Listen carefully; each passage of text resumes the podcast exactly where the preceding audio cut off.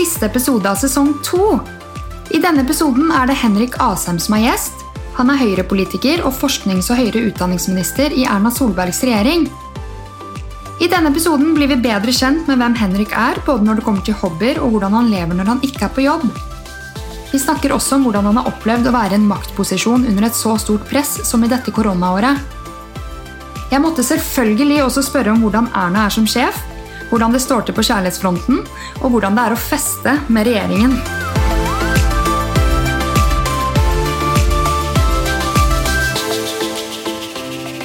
Velkommen i studio, Henrik. Tusen takk skal du ha.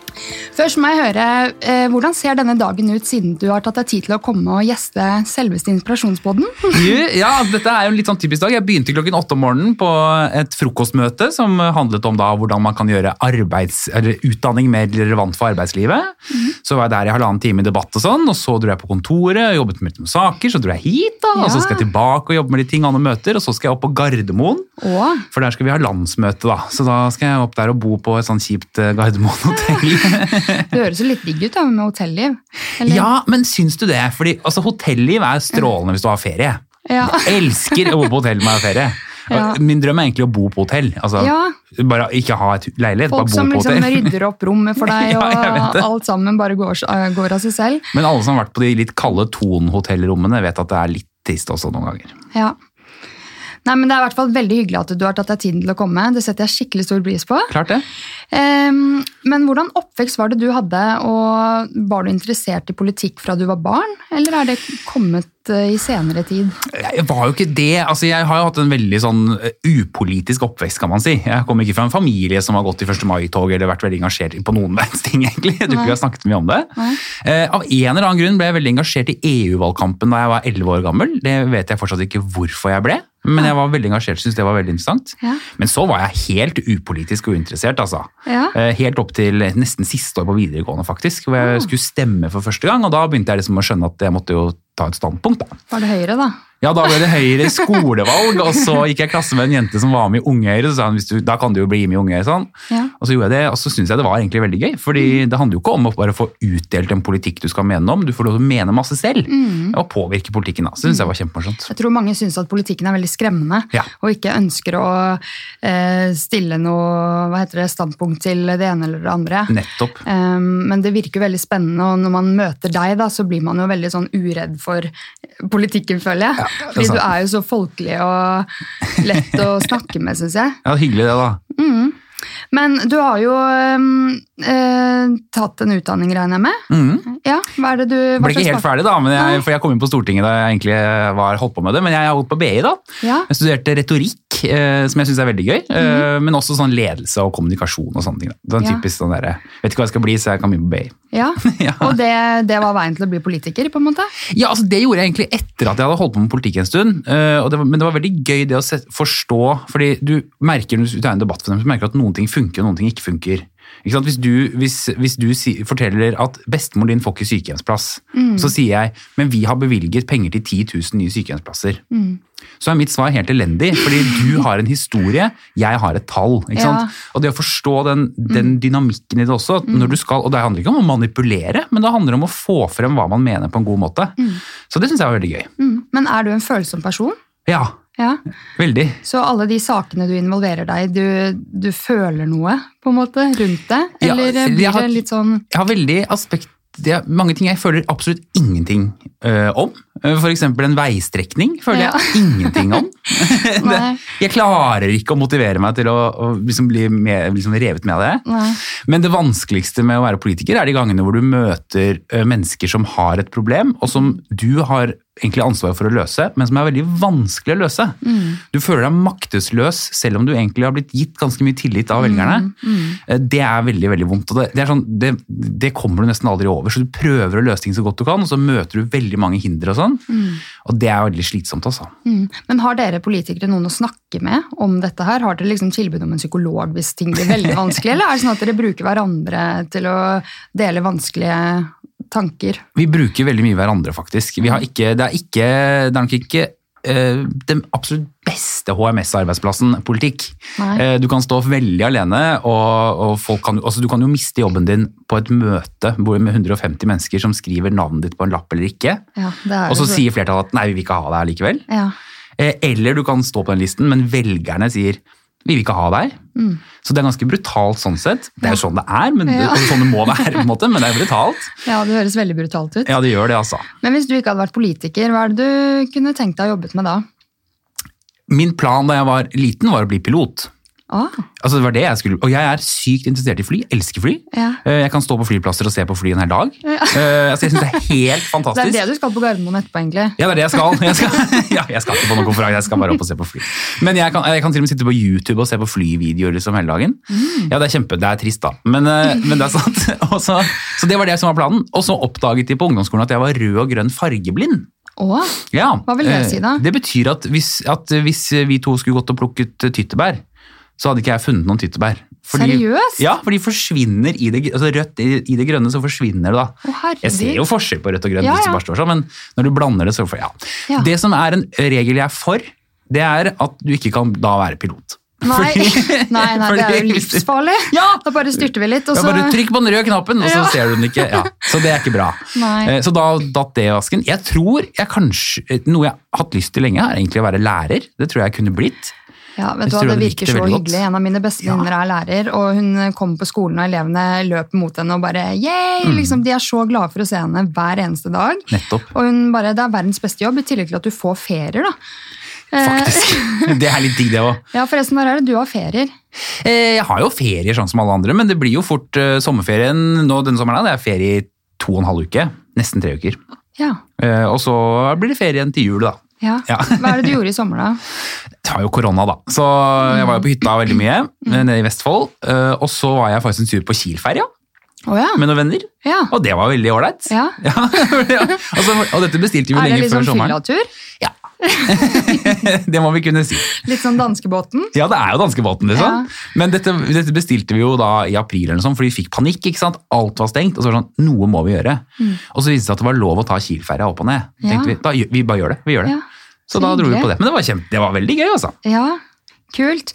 Men eh, jeg tenker at man må være ganske trygg i seg selv for å være politiker. Er det noen situasjoner du ikke føler deg trygg i, eller hvor du er litt sånn ubekvem? Ja, veldig mange. Veldig, veldig mange. For eksempel hvis du har sant? Det som er rart med å være politiker, er at du er jo ikke ekspert på det du driver med. Mm. Det skal du egentlig heller ikke være. Eh, Du skal være valgt av folket til å ta beslutninger, liksom. Men du sitter jo da ofte i møte med folk som kan veldig veldig mye om en sak. Mm. Eh, Og, som, eh, og du føler deg veldig fort litt dum, Ja. fordi du er redd for å stille de dumme spørsmålene. Så, så min måte å håndtere det på har vært å starte sånne møter med å forklare hvilken rolle jeg har i dette møtet. Mm. Jeg er ikke her for å være ekspert, jeg er her for å høre etter. Men også for å faktisk stille de dumme spørsmålene i gåseøynene, for det er det som er viktig for folk. Mm. Altså En ekspert kan jo mene at noe er helt rasjonelt, men folk syns det er dypt urettferdig. Ja, og det er det de fleste kjenner seg igjen i også, hvis eh, du stiller det spørsmålet mannen i gata ville spurt om, Ja. istedenfor at alt skal være sånn. Ja. Ja, Men det må være lov å stille dumme spørsmål. ja det er Eh, bra du sier. Og, det, og jeg tror egentlig ikke det finnes dumme spørsmål heller. Nei. Og, hvor mange av oss har ikke vært i et møte med en eller annen som holder foredrag eller noe sånt. Mm. Og så sier han sånn, og det er jo da CPG-analysen. Ja. Og så sitter alle, alle rundt det bordet sitter og tenker, hva faen er CPG-analysen? Ja, ja, ja. Men så er det en som tør å spørre, ja. og da blir alle så utrolig letta Mm. når det skjer. Det var sånn, jeg begynte på sykepleien, så første forelesning husker jeg i anatomi, det, da står liksom han der doktorgradsfyren og begynner å snakke latinsk i flere timer, og jeg bare, Ja. hva er det jeg har meldt meg opp på, liksom? Ikke sant? Men det er, det er jo litt dårlig undervisning, da. Ja. Fordi det er jo ikke gitt at du kan det. Nei, men noen er veldig opptatt av å bruke de ordene for å vise at det, for å heve seg selv litt, føler jeg. Jeg vet det. Ja. Og det er veldig usympatisk. Mm. Uh, og det er, men, men da sitter nok ikke bare du og tenker det. Nei. Antagelig tenker hele salen det. Ja. Og hvis noen bare tør å rekke opp den hånda og spørre stille det spørsmålet Mm. og Har du noensinne begynt å le av et dumt spørsmål? Du har jo ikke det. Nei, Du har jo tenkt sånn, Det er faktisk et godt spørsmål. mm, da er du ond. Ja, da er du faktisk eh, psykopat, antagelig. Ja. Men jeg må høre litt om jobben nå, da. Mm. Hva er din personlige opplevelse av dette koronaåret? Altså, det var jo, Jeg ble utnevnt som statsråd i slutten av januar, Mm. og hadde jo da veldig sånn store planer. Vi skulle reise rundt og ha lyttemøter og hele, masse, ikke sant? sånn typisk sånn overambisiøst når du kommer inn i jobb. Og så smeller dette så det synger, liksom. Mm. 12. mars så bare er alt stengt ned. Og da føler du også på en altså Du helt oppriktig blir bekymret for alle de menneskene du har ansvaret for. Og For min del så var det nesten 300 000 studenter som opplevde over natten. eh, Forelesningene ble bare stengt ned. Eh, Mange satt alene på studenthybelen sin. Noen dro hjem som kunne gjøre det, men mange ble sittende alene. Eh, Og vi visste ikke åssen det gikk med dem. Vi visste ikke hvordan undervisningen foregikk. Vi visste ingenting. Så vi måtte bruke veldig mye tid på det og følge opp så godt vi kunne. og sånn. Men du blir aldri trygg i en sånn situasjon på at nå har alle det bra. For alle har det ikke bra nå, eh, og det, da må du bare gjøre det beste ut av det. Vi prøvde å løse problemer underveis, og sånn, men, men det, det bekymret jeg meg veldig veldig mye for denne tiden. her. Altså. Jeg syns også veldig mange la uh, mye vekt på hva dere ikke gjorde. Men uh, dere jobba jo som noen hester hele flokken, føler jeg. Ja da. Og mm, eh, det er jo dere som har eh, stått i spissen, liksom, og eh, dere har jo virkelig jobba steinhardt, da. Så jeg syns det var litt rart at folk skulle liksom eh, ta dere på det som ikke ble gjort veldig fort. Ja, og det er, eh, ja det, det er jeg selvfølgelig helt enig i. Men, eh, men det er også, jeg tror, man ser jo også mye reaksjoner eh, på altså Når studentene nå for eksempel har hatt fester i Frognerparken og sånn, så blir folk veldig veldig sinte. Ja. Uh, og, det, og det kommer uh, henvendelser til de studentene også, eller til studentlederne i Oslo noe, som er liksom Håper du får korona og sånn. ikke sant? Eh, og så kan man tenke hva faen er galt med folk? Men Ja. vi må huske at folk også er livredde. Ikke bare for å bli smittet, men de er livredde for at vi skal tilbake til å stenge ned, at alt blir sånn som det var. Eh, Så, så vi, må forst- vi må prøve å forstå reaksjonene til hverandre òg, på en måte. For nå er vi i en slags krisesituasjon som gjør at det er veldig mange som er urolige. Og hvis du sitter da, hvis du har vært isolert i mange måneder og nå er tilbake og sånn, og så ser du ungdommer som ut fra avissakene da, gir litt faen, så blir du så sint at du, at du, du får utløp på den måten der. Så Ja. jeg tror vi må, vi må prøve, å forstå hverandre på en måte. Nå, fordi det er mange følelser i samfunnet vårt nå. Veldig mye. Men du personlig, da, har du følt på noe ensomhet, eller har du jobba så mye at du aldri har vært alene dette året? her? Faktisk har jeg jobbet så mye at det å være eh, alene har vært veldig fint. På en Ja. måte. Altså sånn, Det å komme hjem når du kommer hjem etter å ha jobbet i 14 timer i strekk, og bare at det da kan være litt stille, det er veldig ålreit, egentlig. Men så savner du etter hvert så savner du det å gå ut og spise med venner, du savner det å kunne planlegge noe hyggelig. sånne ting som Det Det begynte å slite på etter hvert, da. Fordi du må ha noen ting å glede deg til, tenker jeg. Og det tror jeg mange av oss opplevde at vi hadde ikke noe å glede oss til. Det var liksom bare dag til dag. Men, eh, men klart, altså, man blir jo Alle tror jeg ble litt ensomme, men eh, jeg var så heldig sånn sett da, å ha en jobb hvor jeg kunne dra hjemmefra og dra på jobb hver dag. Og det tror jeg, det, Hadde jeg hatt hjemmekontor, så hadde jeg gått fullstendig i kjelleren. Ja, det er det verste som fins. Ja. Ja. Å, fytti rakkeren. Bare det å lese, studere hjemme, det var det verste jeg visste. Å ja, herregud, så gøy, egentlig. Men eh, når du ikke er på jobb, eh, hva slags hobbyer har du? Altså jeg pleier å si at Hobbyene mine er egentlig vennene mine. altså det er det jeg liker best å gjøre hvis jeg har fri en lørdag. sånn, Det er å dra ut og spise lang lunsj med noen venner. Eller å sitte og drikke øl og skravle om alt mulig annet enn folk som har ikke sant? Og jeg har mange venner nå som har små barn, eksempel, som, som lever i et sånt evig tidspress. Og sånn. Så det å bare Nå skal vi ikke snakke om bleier, vi skal ikke snakke om jobb, vi skal ikke snakke om noe. Nå skal vi bare sitte og snakke Nyte. Ja, det er deilig, altså. Jeg tror den der, Å koble hjernen av Ja, Så du er en veldig sosial person, da. Ja, jeg liker veldig godt å være sammen med mennesker. Men eh, tilbake til eh, jobben også. Mm. Eh, Hvordan var temperaturen eh, på regjeringsmøtene bak lukkede dører? Det var veldig eh, alvorlig. Mm. For helt ærlig, det var en sånn Og jeg tror vi, vi satt der og var veldig usikre eh, på veldig mange ting. Men så har vi også havnet i rare situasjoner, fordi vi skal jo også ta beslutning om veldig rare små ting som kan skape en debatt. Og vi, er, vi har jo mange småbarnsfamilier i regjeringen. Og vi havnet altså i en debatt som ble ganske opphetet. Som, og unnskyld at dette er litt ekkelt å si, men det var hva er snørr? Oh, ja! Og det var fordi regelen var at du kan ikke sende barn i barnehagen hvis de er forkjøla. Men små barn har jo rennende nese absolutt hele tiden. Ja, det er akkurat det. Og da ble det en litt sånn opphetet debatt om liksom, når, hva er liksom, definisjonen på det, og småbarnsforeldre som satt der som sa at det kan man ikke mene, for da kan Nei. ingen barn gå i barnehagen. Nei, nei. Ja.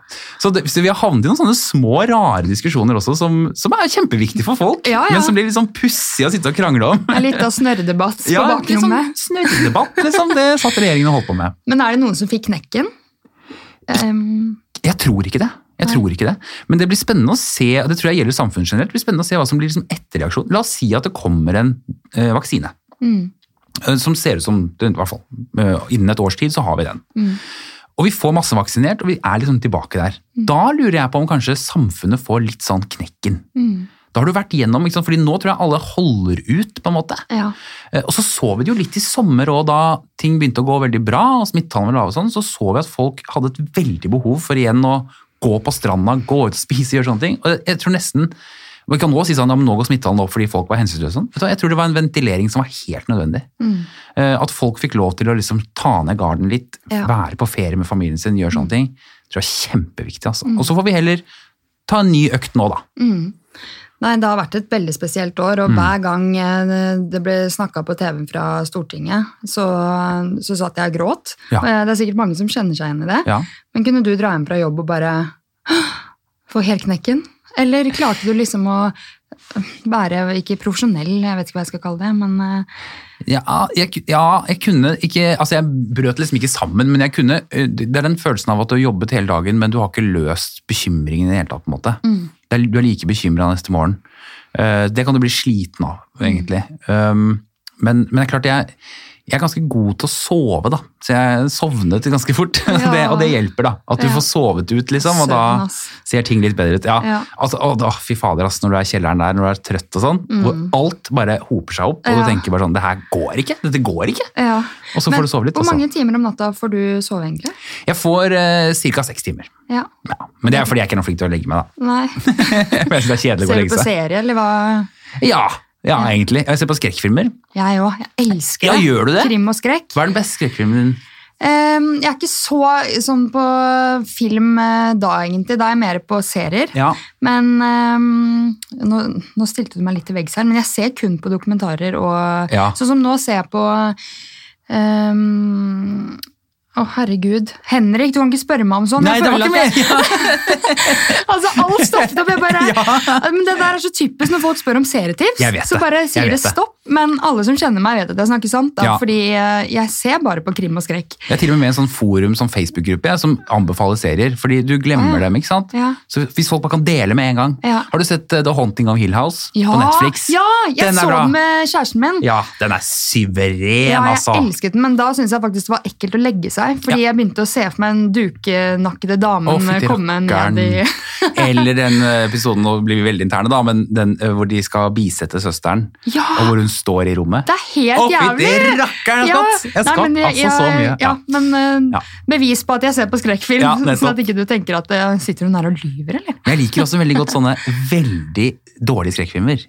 Sånn Hollywood-skrekkfilmer. sånn House of Wax, for eksempel. Har du sett den? Nei, jeg har ikke sett den, men jeg Paris hater eh, litt sånn sci-fi hvis det kommer slanger ut av veggen Mm. og skal spise deg opp, liksom. Ja, nei, nei, helt enig. Helt Ja. Ikke, det, må ikke være, det må være morder. Ja, morder. En, Menneskemorder. Ja, ja, ja, absolutt. Det må være realistisk. Ja da. Um, og Trappemorderen på HBO. Den har jeg ikke sett. Nei. Uh, Er det en og, serie? um, eh, han derre Åh, Nå ble jeg skikkelig gira på å snakke om eh, skrekk og krim og Mm. drap og sånn, men uh, Ja. vi tar det en annen gang. Skrekkpodden, har du hørt på den? Ja, de spiller jo inn her. Ja, gjør de det? Ja, ja. Så jeg har hørt litt på den, men ikke sånn veldig. Jeg har hørt mye på True Crime podden. Ja, den er veldig bra. Ja, Alltid på roadtrips og sånn. Ja, jeg, jeg elsker det òg. Men uh, tilbake litt til jobben, da. Mm.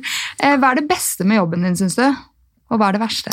Det beste er at du får, du får en helt vill adgang til å møte mennesker. Mm. Eh, og du kan, altså Hvis noen sier sånn eh, Vi holder på å forske på en romrakett. Ja. Så kan du si Kan jeg få komme og se på en romrakett? Sier de ja, selvfølgelig kan du det. Fy søren, så fett. Det er helt konge. Ja, Det er helt konge. Jeg får en liten smakebit av det nå med podkasten, og Ja. møter mange ulike mennesker. For det er jo så sykt mange som sier ja, som jeg ikke har møtt før. Nettopp. Og det er jo kjempehyggelig, men uh, kanskje det var politikere jeg Ja, det tror jeg du hadde likt, altså. ja. Ja, Eller programleder i God morgen Norge. De For også får møtt uh, sjukt mange kule mennesker. Og så ser det så koselig ut å jobbe der! Jeg vet det. Åh, oh. stå opp tidlig og bare Nei, det, det er drømmejobben, så kanskje jeg skal legge inn en søknad der en gang. Jeg har vært gjest der noen ganger, og det er, veldig, det er litt vanskelig å være politiker der. Ja. Fordi noen ganger så er det sånn, blir det sånn deg og en annen politiker som liksom diskuterer en sak. da. Ja. Uh, og så skal, mens Wenche står liksom og steker kjøttpølser i bakgrunnen. Så det, blir liksom, det blir sånn rart med det, fordi du klarer liksom ikke å fyre det opp. Jeg har faktisk Elsker sendt en melding til henne på Instagram, men hun Ja. har ikke sett den ennå. Jeg vet ikke om hun er så... Det kommer jo ofte i sånn skjult innboks, ikke sant? Ja, det kan godt hende, ja.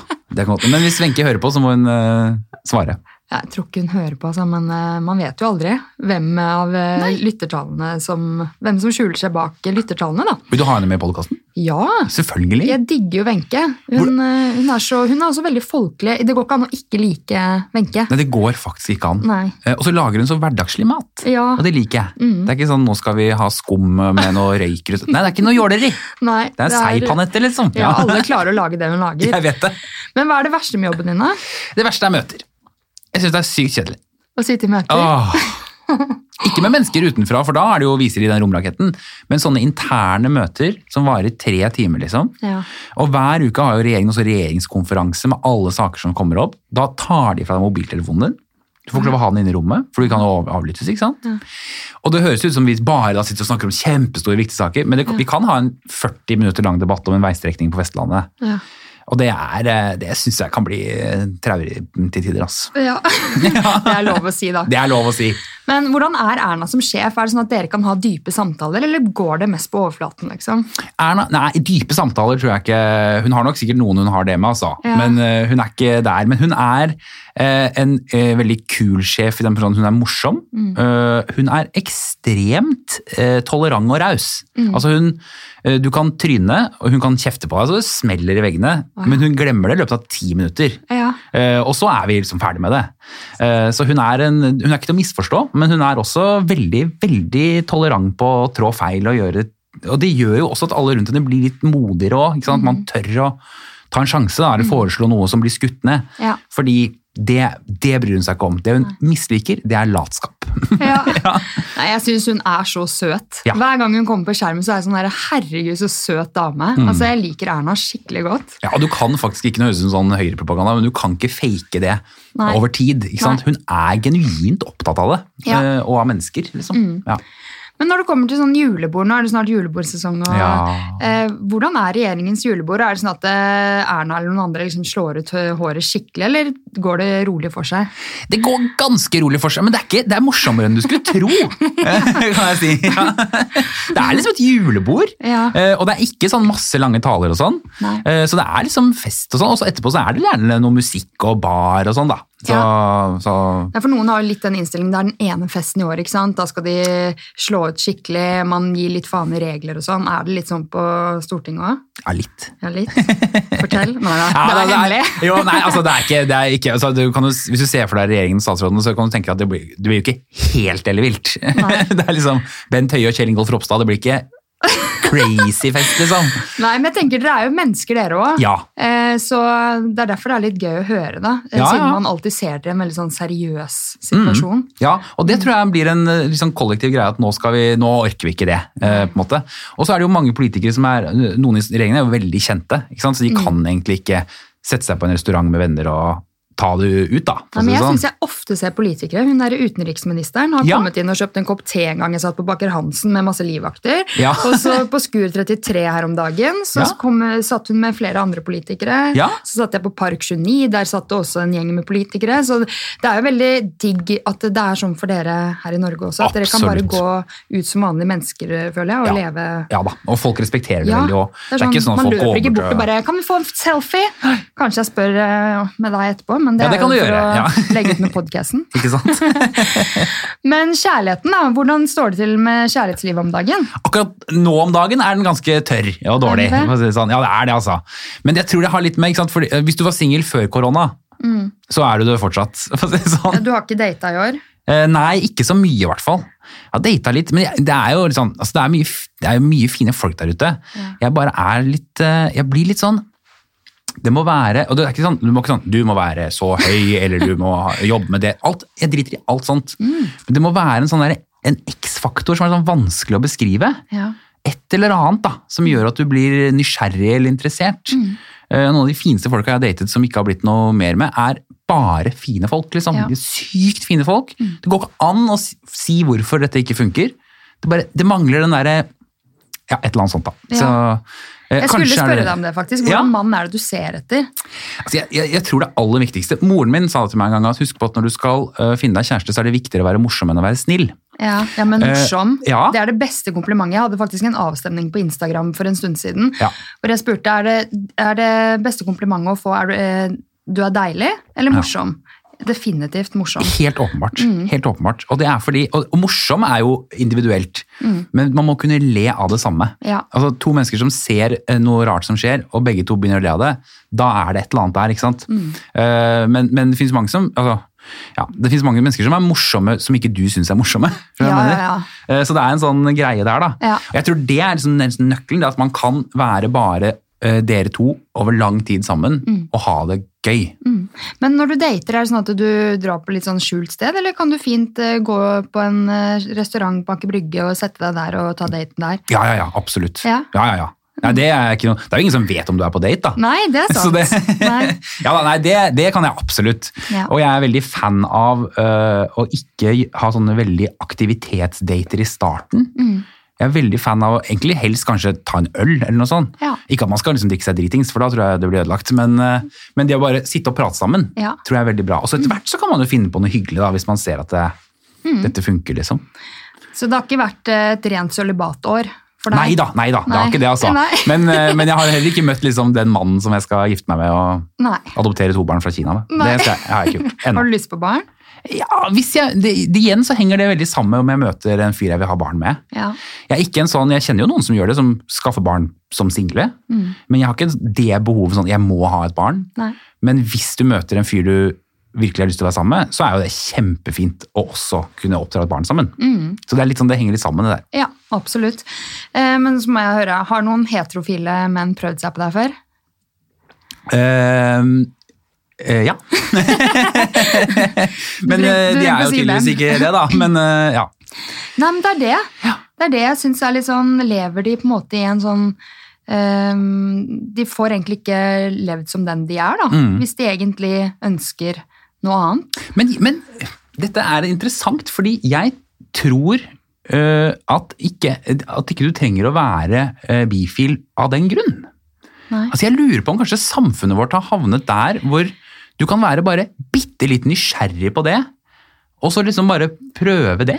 Ja, jeg Altså, jeg hva du ikke. mener. Ja, Ja. fordi det er jo vi som har lagd Enten er du eh, Liker du jenter, gutter, Ja. bifil, Nettopp. eh, men ingenting imellom. Nettopp. Eh, Så det, jeg tror det er derfor folk blir litt forvirret, fordi vi er jo vokst opp med at det, enten er du det, det eller det eller det. Ja. Men det er sikkert veldig mye imellom der som ikke kan forklares eller beskrives. Tror jeg òg. Det er jo, du er jo leder i Sex og samfunn, er du ikke det? Nei, jeg har vært det. Jeg har satt der, men jeg har gått av nå. Ja. Men øh, ja, Er du interessert i seksuell helse, da? Veldig. Mhm. Jeg syns det er kjempeviktig. Og jeg syns det er både mye av den der skammen og ø, disse alle bokser alle skal være i og sånn, Mhm. tror jeg er veldig veldig skadelig for mange mennesker. Ja. Så det er, det er viktig, altså. Mm. Eh, og det at det har blitt Det føler jeg vel at unge folk har blitt flinke til nå. De tester seg, og det er ikke noe skamfullt å ha hatt en one night stand og se om du ikke sant? Nei. Det er helt avgjørende for å drepe klamydia-pandemien som strengt tatt Ja. Kanskje nå har fått seg en knekk, da, for å være helt ærlig. Men The Land of klamydia, står ikke det på Gardermoen eller noe? det er mulig det gjør Welcome altså. to Norway, The Land of klamydia eller noe sånt? Kjempefin kampanje. Ja. Men, eh, men ja, men Men vi er jo i verdenstoppen på det, da. vi er det, vi er det altså. Og det, er, eh, det, så, og det tror jeg handler veldig om Og da er det veldig mange sånn opp i historien som har vært med pekefinger og bruk prevensjon og sånn. Men det handler jo også om at det ikke skal være noe skamfullt i å gå og teste seg, sjekke om dette eh, Ta den antibiotikakuren og bli ferdig med det. Mm. Det er viktig, det òg. Mm. Så, så jeg syns det er kjempe, kjempeviktig. Eh, Vi har fått til mye på, på PREP, for eksempel, da, som er jo for å hindre Ikke bruk hiv så og aids. fancy ord, da. Ja, Nei, altså, det er, dette er en medisin, og dette, dette illustrerer skammen rundt deg. Det er en medisin som, at, som du kan ta hver dag, ja. eh, og som gjør at det er veldig veldig vanskelig å få hiv og aids. Å ja. mm. Og da var det spørsmål skal vi eh, dele ut det eller ikke. Og da kom det stemmer som sa nei, det skal vi ikke gjøre, og hvorfor skal folk som flyr på byen få dette mens eh, sånn sånn. Men det handler jo egentlig om å drepe hiv- og aids-epidemien Ja, en gang for alle. Eh, Og det funker. Eh, Og det er nå veldig mange som, eh, som får det. Og det er ikke noe stor terskel for å få det heller. Nei. Men jeg har ett politisk spørsmål, da. Mhm. Jeg eh, må jo ha ett. Selvfølgelig. Eh, og det er hvordan kan vi på en måte få økonomi, karrierevalg og seksuell helse til å bli en større del av skolen da, når man går ut Mm. av videregående, at man har større kunnskap om det? Og tror du i fremtiden at det kan bli fag i skolen? Ja, altså Seksualundervisningen må oppgraderes betraktelig. Ja. Eh, Og jeg er veldig for, apropos sex og samfunn, som jo er en klinikk her i Oslo, men de har jo seksualundervisning i Oslo-skolen. Altså Ja, det det kommer det. da sexologer Sant? Få ut han der litt eh, nervøse naturfagslæreren Ja. som bare viser deg hvor her er egglederne, liksom. Det vet de kidsa. Det er ikke det de trenger å lære. Men som da på en måte snakker gjennom og bryter ned barrierer. Alltid flaut i starten, og så blir det bedre og bedre etter hvert. Men, men det tror jeg er kjempeviktig. Nå fornyer vi jo alle fagene i skolen rett og slett, eh, og sier at f.eks. dette med, som vi har kalt for livsmestring, da, skal inn. Altså rett og slett å si, Du skal lære hvordan du skal håndtere alt fra sosiale medier, det presset veldig mange unge Så står bra. i, forventningene som de veldig ofte har til seg selv, faktisk. Eh, altså for vi har begynt å se på det, og så er det sånn at vi har begynt å ha veldig høye forventninger til barn. Har de mye mer eksamener og sånn? Nei. Det er de selv som har veldig høye forventninger til seg selv og til hverandre. Eh, og det, er, det må vi gjøre noe med, da. Ja. Så alle fagene skal egentlig tilpasses nå den virkeligheten som eh, barn og unge lever i. Så bra. Da er karriere og økonomi og sånn en del av det, eller? Ja, øh, også sant, bare det å forstå sånn, hvorfor, hva, hvorfor skal du ikke ta et forbrukslån? Ja. Altså Hvis noen sender en SMS og sier er svar på den. Mm. SMS-en, så får du 100 000 kroner. Sånne ting som det må man også liksom bare lære å forstå. Mm. Jeg, jeg tror ganske mange av oss var opplevde når vi skulle ta opp vårt første boliglån. Ja, ja, ja. Ante ikke hvordan det fungerte i det Nei. hele tatt. Liksom. jeg heller. Og det er litt pussig når du er godt Ja. opp i 20-åra. Så det er liksom eh, på tide at det får en stor eh, plass i undervisningen, tenker Ja, jeg da. det tror jeg også. Sånn at man ikke begynner å lære det når du er 19-18-19 år, men Ja. at du kan dette her fra ungdomsskolealder. Fordi det er så mye, jeg, Noen ganger føler jeg meg så dum, for det er så mye jeg liksom bare Hæ, hadde vi dette på ungdomsskolen? Og, for da, tydeligvis har det vært så lite av mange av de viktige tingene Nettopp. som jeg har hatt behov for i voksen alder. da. Nettopp. Og tenk så, Så- forskjellig verden er. Altså, du har selv et lite barn. Ja. Altså, tenk hvilken verden alle disse små barna skal vokse opp i. Mm. Den, vi vet ikke hva de skal jobbe med. Vi vet ikke hvordan det, ting kommer til å se ut. Vi vet bare at eh, det, alt det vi har av digitale plattformer nå, kommer til å være tigangeren. Mm. Uh, altså, det er en helt annen verden å manøvrere i. Eh, og Derfor så tror jeg nettopp det at vi kan ikke lage en skole som sier at nå skal alle barn lære Snapchat, fordi Snapchat kommer til å være dødt om to år. Ja. Men du kan lære hvordan du skal håndtere alle de forventningene. Eh, og det at du forstå at alle vennene dine legger ut det absolutt feteste bildet fra ferien sin.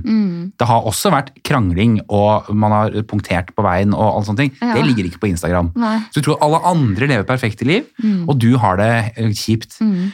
Og da tror jeg du blir sliten, altså. Ja, i hvert fall for de unge, for de forstår kanskje ikke det, men nå som eh, du er voksen, jeg er voksen, vi, vi vet jo at det, på en måte, det ligger mer bak enn et bilde, da. Eh, ja. Så jeg blir liksom ikke lurt på den måten lenger, men eh, det, det er jo de unge det er viktig at de forstår ja, ja. Jeg har moret meg med den til og med i sommer, fordi jeg har snakket med venner av meg som ikke sant, har sånn små barn, og alt er dritt, det har regnet en uke, og de bare snakker med telefonen, og bare, og så kommer det sånne Instagram-bilder som ja. ser så sykt perfekte ut, sånn, ah, sommer, hashtag sommeridyll og sånn. Tenker jeg, hvordan, fy fader, du, Ja. det er ikke sant. Men jeg klarer ikke å legge ut bilde på sosiale medier hvis jeg har en dårlig dag. Helt enig. Ja, jeg må legge ut hvis jeg er faktisk glad inni meg. Ja. Og sånn der, å, nå har jeg lyst til å dele det. Ja. Um, ikke det at jeg syns det er teit å dele liksom, en kjip dag, eller noe, men eh, hvis jeg skulle hatt en caption som var veldig happy-happy, og så satt jeg egentlig hjemme og grein, det Mm. Går ikke. Nei, det funker veldig, veldig fake da. Ja. Men du, jeg har noen faste spørsmål da, som jeg stiller alle lytterne. Ja. Nei, lytterne, eh, gjestene. ja. Eh, hvordan starter du uken best mulig? Sånn mandag morgen, liksom. Ja. Eh, jeg starter den eh, Den kan ikke starte bra, egentlig. Jeg hater mandag morgen. så, men det beste er selvfølgelig at jeg har klart å legge meg tidlig på søndag. Eh, og det beste med det er igjen at jeg ikke har vært på fest på lørdag. Hvis jeg kan ta festen på fredag, så er det fint. Ja. Sånn at jeg liksom har liksom to dager hvor jeg slapper av. Og så, så, sånn at jeg liksom har sovet ut. Og så er det egentlig, eh, hvis du da vet hva som skal skje denne uken, så du har det ryddet i huet, så blir det liksom greit. ja. Nice. Eh, hvordan snur du en dårlig dag om til en god dag? Eh, veldig ofte med øl. Rett og slett. Ja. Ja. men sånn, Hvis du har en dårlig dag, må ikke være alkohol, altså. Men sånn, og liksom, eh, Jeg føler den. Jeg elsker cocktails, så jeg kan drikke det eh, Ikke sant? daglig nesten. Nei, Men bare sånn å sende en melding til en eller annen kompis og si sånn åh, bli med og bare gå og drikke en øl og skravle. Da kan det snu veldig, veldig fort. Ja. Bra tips. Mm. Eh, hva er du takknemlig for? Eh, Så mange ting, men eh, jeg er kanskje aller mest takknemlig for familien min. Og det er fordi eh, altså, jeg har jo selv vokst opp som homofil. da. Ja. Og det å ha, ha en mor og brødre som har vært så rause, tolerante hele veien, gjør at jeg har, jeg har hatt et så fint liv fra første sekund. Ah, så bra. Og det, det kan man ikke ta for gitt, for jeg har møtt fryktelig mange også unge homofile som har hatt forferdelige opplevelser med sin egen familie. Kan du tenke deg? Det aller tryggeste stedet i verden er hjemme. Skal på en måte dømme Ja. seksuell legning og De skal slå hånden av deg, liksom. Mm. Eller i hvert fall liksom kritisere deg litt. Du kan ikke ha med kjæresten din hjem og sånn. Mm. Kan du tenke deg noe så forferdelig? Det, Det høres helt jævlig ut. Ja. Men så godt at du har eh, hatt en fin oppvekst på det, da. Ja, Eh, veldig. Fant du tidlig, forresten, at du var homofil? det, det er faktisk et sånn vanskelig spørsmål å svare på, fordi du, når du aksepterer det, så har du egentlig visst det lenge. Ja. Det er litt sånn rart, Mm. eh, men, men det var vel kanskje det var vel på videregående jeg egentlig på en måte skjønte at det var sånn. ja. Eh, men, men når du da skjønner det, så tenker du at det har jo egentlig antakelig alltid vært sånn. Mm. Men eh, ja. ja. Eh, Hva inspirerer deg? Det som inspirerer meg, er faktisk eh, å møte eh, mennesker som får til noe. For å være helt ærlig. Det er så mange av gjestene som sier det. Ja, men det er sant. Ja. Altså, du møter mennesker som bare sier sånn ja, Og så sa alle det kommer ikke til å gå. Og så gjorde vi det, og så gikk det. Ja. Og det tror jeg også inspirerer meg, fordi jeg er ikke sånn. Jeg tror jeg, hadde, jeg kan fort tenke nei, men hvis det er litt risiko for det, nei, vi kanskje ikke skal gjøre det sånn. Men det å møte sånn folk som bare leverer så sinnssykt på et eller annet, mm. og som veldig ofte, og det, sant, når vi leser om i avisa, da, så har de jo lykkes. Men fy fader, de har stått i 20 år, altså. ja. Og gått på smell på smell på smell. Og sikkert blitt fortalt av folk dette kommer du ikke til å få til, kan du ikke heller bare få deg en trygg jobb der og sånn? Mm. Og så får de det til til slutt. Det inspirerer meg veldig. Ja, jeg er så enig. Herregud. Men jeg er sikker på at du har det i deg, men nå jobber du i en jobb som har litt sånn faste rammer, og, Ja. eh, så du har ikke muligheten til å kanskje få ut de kreative eh, sidene av deg Neida. på den måten. Det kan men godt hende, eh, altså. du virker jo som en type som eh, egentlig ja, er ganske kreativ og open-minded Ja da. kunne ja. Jeg håper det, altså. Men, Ja. men jeg tror jeg har en litt sånn risikoavers. Sånn, hvis noen har sagt jeg har denne ideen, vil du øh, selge leiligheten din, ta alle pengene du har og putte inn dette sammen med meg, og så jobber vi døgnet rundt for å få det til, så tror jeg hadde sagt nei. ja. Selv om det sikkert, sikkert hadde gått bra og det hadde vært gøy og sånn. Jeg er litt Jeg sånn som sånn, kunne sagt ja. Ja, kunne du gjort det, eller? Ja, ja, ja. Jeg, gjort det. Ja. Jeg har et eksempel bare sånn fort. Det, jeg driver og søker jobber nå. Jeg skal på to intervjuer eh, faktisk i dag Ja. etter dette. Og, men i går så, så jeg et skikkelig kult lokale på Nedre Løkka. Mm. Og jeg har egentlig en sånn indre drøm i å lage noe sånn um, brunch, en, eh, ja, sånn break and brunch-sted. da, Ja. Hvor folk kan, Litt sånn i København. Oh. Uh, for det, det er jo en grunn til at mange drar dit og koser seg. ja. Og vi trenger det i Oslo. Ja, så uh, da sa jeg til Gard, da, uh, kjæresten min, at em, du, jeg har lyst til å dra og se på denne. Og tok kontakt med han på Finn som skulle leie ut, og bare tok den telefonsamtalen. Og så, men jeg får ofte høre at jeg er litt sånn som hopper eh, litt fort. Sier du det? Ja, men eh, jeg bare liker å drømme litt og tenke litt utafor boksen noen ganger. Ja, og jeg tror det er bra, jeg. Ja. Uh, så bør du jo ikke legge bort, Selv om du kanskje ikke gjør det akkurat nå, så bør du ikke legge bort den ideen. Nei, Du kan jo gjøre det om et år eller to eller ti. ja, det er akkurat det. Samme det. Jeg har ikke dårlig tid. Nei, nei, nei. nei, nei, nei. Men du, Henrik, tusen takk for at du kom og gjesta podkasten. Tusen takk for meg. Kjempehyggelig.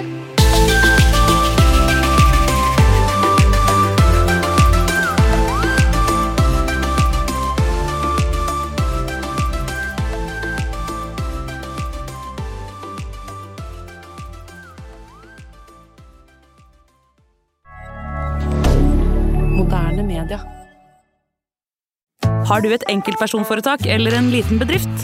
Da er du sikkert lei av å høre meg snakke om hvor enkelt det er med kvitteringer og bilag i fiken, så vi eh, gir oss her, vi.